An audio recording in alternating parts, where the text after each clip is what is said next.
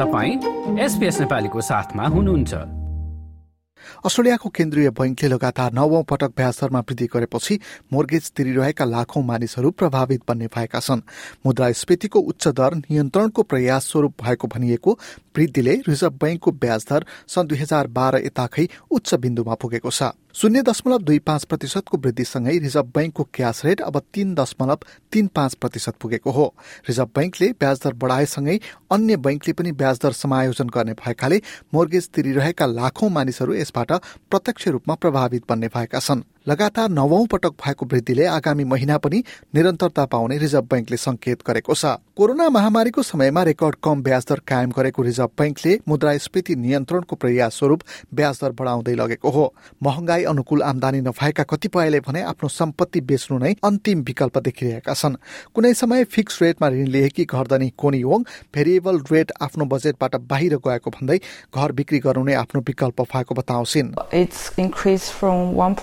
To 4.7 roughly. So it's start from repayment 2,000 roughly to 3,600. So that's for me as a piano teacher, uh, it's, it's hard to afford.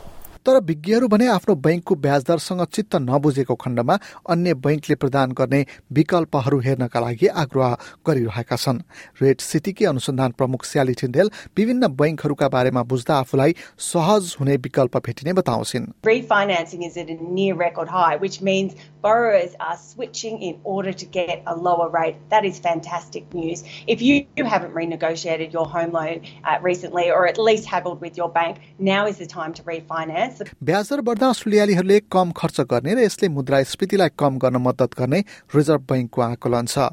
Reserve बैंकका governor Philip Lowe विज्ञप्ति मार्फत मुद्रास्फीति कम गर्न आगामी केही महिना ब्याजदर बढाउँदै लाने बताउँछन्। तर यसको प्रभाव अस्ट्रेलियाको अर्थतन्त्रमा परेर कतै मन्दिता आउने होइन भन्ने आशंका केही अर्थविदहरूको छ।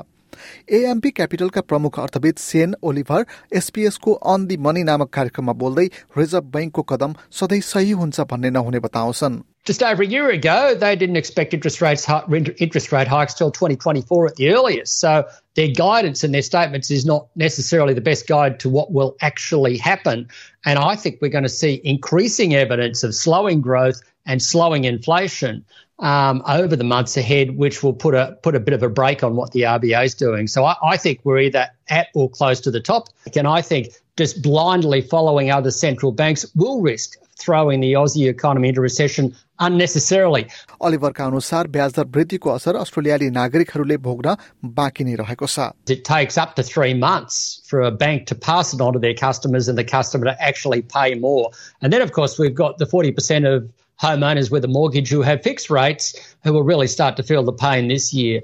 Uh, so there's still quite a lot of rate hike pain coming down the pipeline, even if the Reserve Bank stopped raising interest rates from now. यता फाइन्डरमा व्यक्तिगत आर्थिक व्यवस्थापनमा विज्ञता राख्ने टेलर ब्ल्याकबर्न ब्याजदर वृद्धिको असर मानिसहरूले अनुभव गर्न थालिसकेको बताउँछन् So we've been tracking this for the last four years.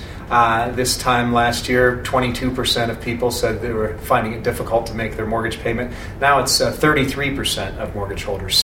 ब्याजदर बढ्दा घर धनीले भाडामा बस्नेहरूमाथि पनि भार थोपर्दा उनीहरू पनि मारमा परिरहेको ब्ल्याक वनको भनाइ छ The, uh, cash rate rise is particularly acute for, for homeowners, but the, the flow on effect is anybody who rents a place that has a mortgage on it, uh, that, that cost gets passed on to them eventually. So um, if you're a renter and you haven't had your rent go up, lucky you, um, but that may not be the case as, as this continues.